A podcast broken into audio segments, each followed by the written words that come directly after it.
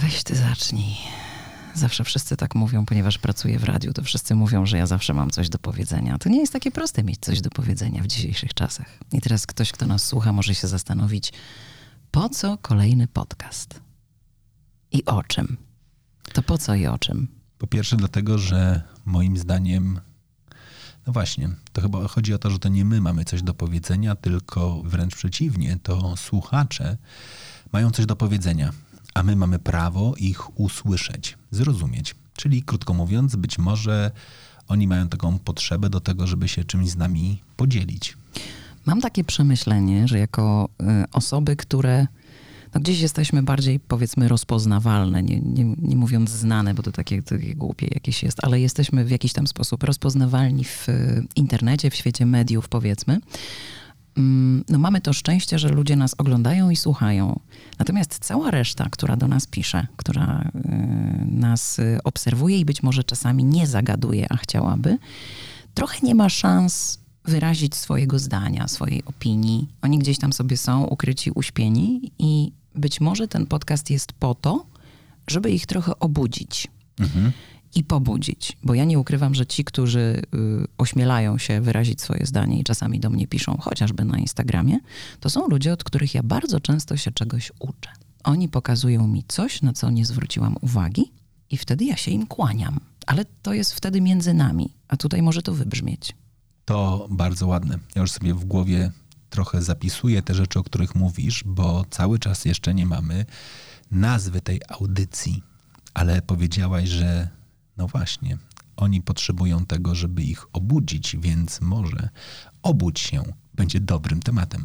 Ale to jeszcze nie, to nie wszystko. Ale ja mam jeszcze drugie przekonanie, że ludzie, którzy cię znają, obserwują i widzą, znają tylko tę część, którą sama spontanicznie pokazujesz. Mhm.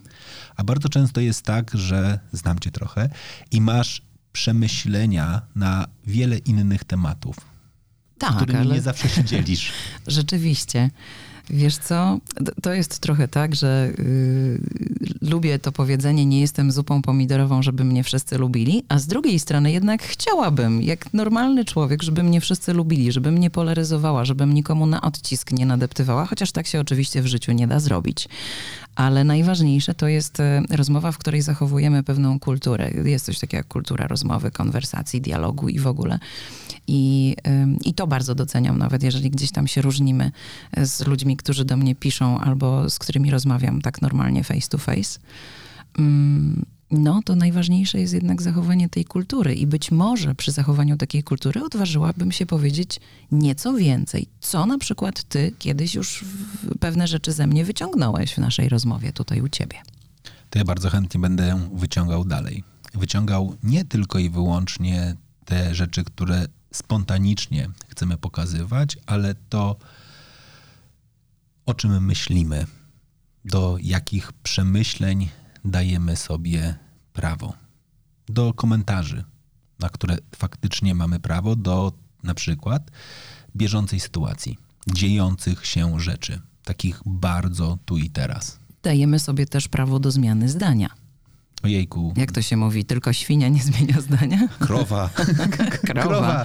krowa. Krowa. Być może. Być może krowa, być może świnia. Ale być może wszyscy mają prawo do tego, żeby zmieniać zdanie. Na pewno wszyscy mają prawo do tego, żeby się wypowiedzieć w sposób kulturalny. Kurczę, zauważam, że to jest dla mnie cholernie ważne. Tak, ta kultura rozmowy. Mhm. Ja lubię przeklinać, bo to wzmacnia przekaz, ale mimo wszystko oddzieliłabym jednak czasami przeklinanie w rozmowie od, od niekulturalnej rozmowy i takiej rozmowy bez szacunku dla rozmówcy. Tego nie akceptuję. Tutaj mi się na odcisk nadeptuje.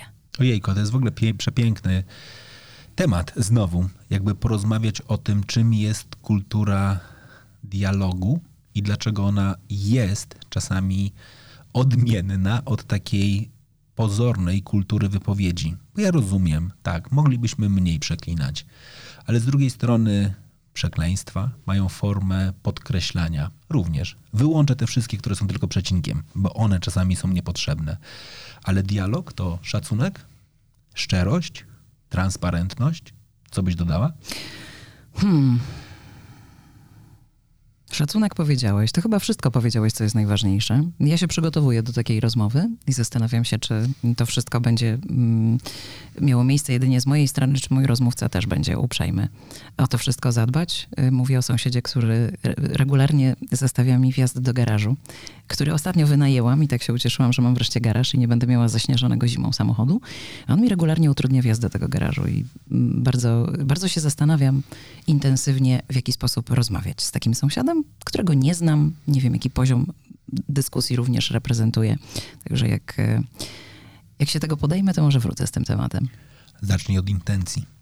Znaczy zadaj sobie jedno bardzo ważne pytanie, a jeszcze bardziej jemu, jaką on ma intencję, bo może nie ma złych. Może jest albo A, bezmyślny, bo być może ten garaż był bardzo długo nieużywany i po prostu się tak przyzwyczaił. B, być może chce cię poznać, po prostu. Myśli sobie, kurczę, zagadam z nią, ale się wstydzę. Jak w tych kiepskich reklamach, gdzie pani upuściła magnes, pan ją dogonił, podał, a potem umówili się na kawę. Okej. Okay. Nie no, być może tak jest. Może nawet nie chodzi o, to, o, o tą kawę, tylko po prostu pan chciałby poznać się po sąsiedzku i powiedzieć dzień dobry. Dlatego zawsze zakładam, że po drugiej stronie jest dobra intencja. Być może błędnie, być może naiwnie, ale zawsze zakładam, że są dobre intencje i zawsze z takimi dobrymi intencjami ja wychodzę. A jak się sprawa potoczy, to już zobaczymy. No dobra, to czas w takim razie powoli podsumowywać. Podsumowywać w rozumieniu tego, żeby powiedzieć osobom, które nas teraz słuchają, nazwijmy ich słuchaczami, choć wolałbym nazywać Was współtwórcami tej audycji. O czym będziemy rozmawiać? Jak widzimy Waszą rolę? No i bardzo ważne, czego możemy się po sobie spodziewać? Będziemy rozmawiać o wszystkim, zwłaszcza o tematach bieżących. Tych akurat nie brakuje. Co chwilę wydarza się coś, co aż się prosi o komentarz. E, co chwilę wydarza się również coś, co mm, jest komentowane z bardzo wielu różnych stron i bardzo wielu punktów widzenia.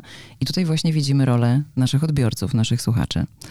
E, łakniemy tych komentarzy, łakniemy tych punktów widzenia mm, i nie wykluczamy, że będziemy się z nimi spierać. A jednocześnie potrzebujemy inspiracji, bo prawda jest też taka, że każdy z nas żyje w pewnego rodzaju bańce i ta bańka ogranicza, na przykład nasza bańka warszawska, bardzo mocno ogranicza tematy, których e, czasem nie widzimy. Dlatego będziemy Was też prosili o to, żeby nam podpowiadać, o czym warto rozmawiać, co Was gryzie, co Was e, w pewnym sensie męczy. Będziemy prosili o to, żebyście się podzielili. Podzielili tym, jakie wy macie przemyślenia, a my będziemy starali się z wami łączyć.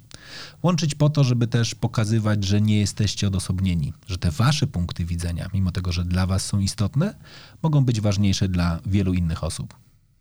Stawiam chyba kropkę. To co? Hera Oner i kołotka z radia. Hera i hetera? Hera i hetera. Ojejku, to, to piękne. Nie wiemy jeszcze, jak będziemy się do końca nazywali jako ta audycja, ale słuchajcie, bo chcemy rozmawiać o tym, co dla was ważne i dodając też nasz punkt widzenia, po to, żebyście nas poznali takimi, jakimi naprawdę jesteśmy. A my was, czyli vice versace, polecamy się uszom.